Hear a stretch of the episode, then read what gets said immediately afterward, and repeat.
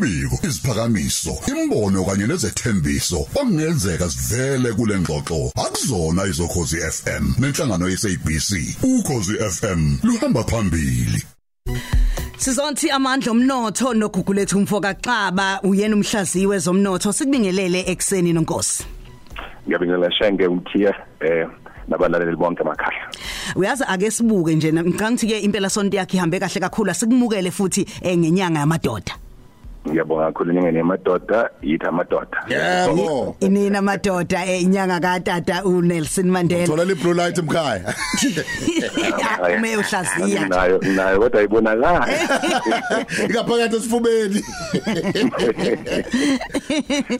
La indaba la ulawo lomthetho lweinkampani sigabeni sama MMC sama ngicabanga MEC njalo sama MMMEs eh ilona daba esilibhekayo namhlanje nonkosi. Kunjalo shenge sibheka lolu lawulo ngenxa yokuthi eningizimu Afrika cishe amabhizinisi amancane awu 2.2 million. Kanti a 1.6 million walamabhizinisi asesigabeni esibizwa ngeinformal sector. Ilas angakahleleki kahle ngendlela bese kuthi ke cishe ngaphezulu kwa 600,000 abe amabhizinisi amancane asesigabeni esithe ukuhleleka. Into eyenzakalayo shenge eminyakeni cishe emhlanu eh amabhizinisi la eqalile ngoba amabhizinisi aqalwa zonke izinsuku cishe u70 kuya ku80% ayafeyila. Uma ngakubeka nje ngendlela ejwayelekile abantu bazoyizwa kahle. Kuyiqiniso kuma kuma business awu 1000 asuke eqaliwe. Eminyakeni emihlanu awu 800 ayafeyila ngabe sabakhona awe afe Mm.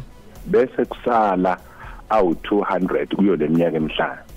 Nalawo 200 kuyothi eminyakeni eminye elandelayo ugcine sekusele mhlambe awu 50 Mm. eh yilokhu ke engithe ake sithi xoxa kancane namhlanje esigabeni samandla omnotho sibheke ukuthi kwenziwa yini phakathi kwezinye inkinga eziye zibe khona ezidala ezidala lo monakalo. Uyazi usakhuluma ngalomonakalo ngiyafisa mhlawumbe sithi ukujula kancane ke sibheke ukuthi sichaza sithini ke ngempela yona le co- eh, le corporate governance. Nanokuthi imnamthelela munike kulezi inkampani ezincane ke njengoba usho ukuthi kuyasefeka kusefeke kugcine sekuseleke eh, inkeshezana qinisile impela shenge lapho eh sik- sikubheka lokho ngehlo la le corporate governance kulabo bayifundele kakhulu kunomqingo lokuthiwa i-King 4 report okuyuhlelo oluhambisana nokuthi inkampani zonke ezinkulu nezincane zibe nesi ne- ne- ne- nesimo sokuhleleka ngendlela.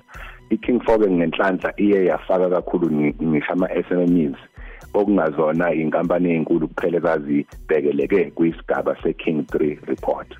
So uma uqala inkampani kubalekile ukuthi ukwazi ukubeka imigomo ethile ezokwenza ukuthi inkampani yakho ingabi seshweni lalezi inkampani engithi eziningi igcina seziba seziphelelwa umfutho sezilimala.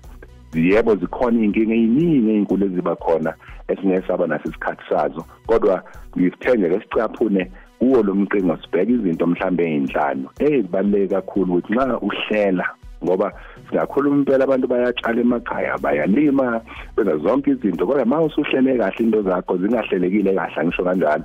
Eh ungalima wenza zonke izinto kodwa uma ungenakho lokhu esizokubala kafushane nje. Bakubiza ukuthi effectiveness ye board noma ye management ukusebenza kahle nokuhleleka kokuphatha inkampani. Nokuthi wonke umuntu alandele imigomo policies yokusebenza kwenkampani. Balekile lezi zinto. Akuzibalekile inkampani ezinkulu kuphela ngisho kwezincane Mm. owesibili bathi compensation and remuneration ukuhlomula nokuhlomulisana esigabeni samaholo.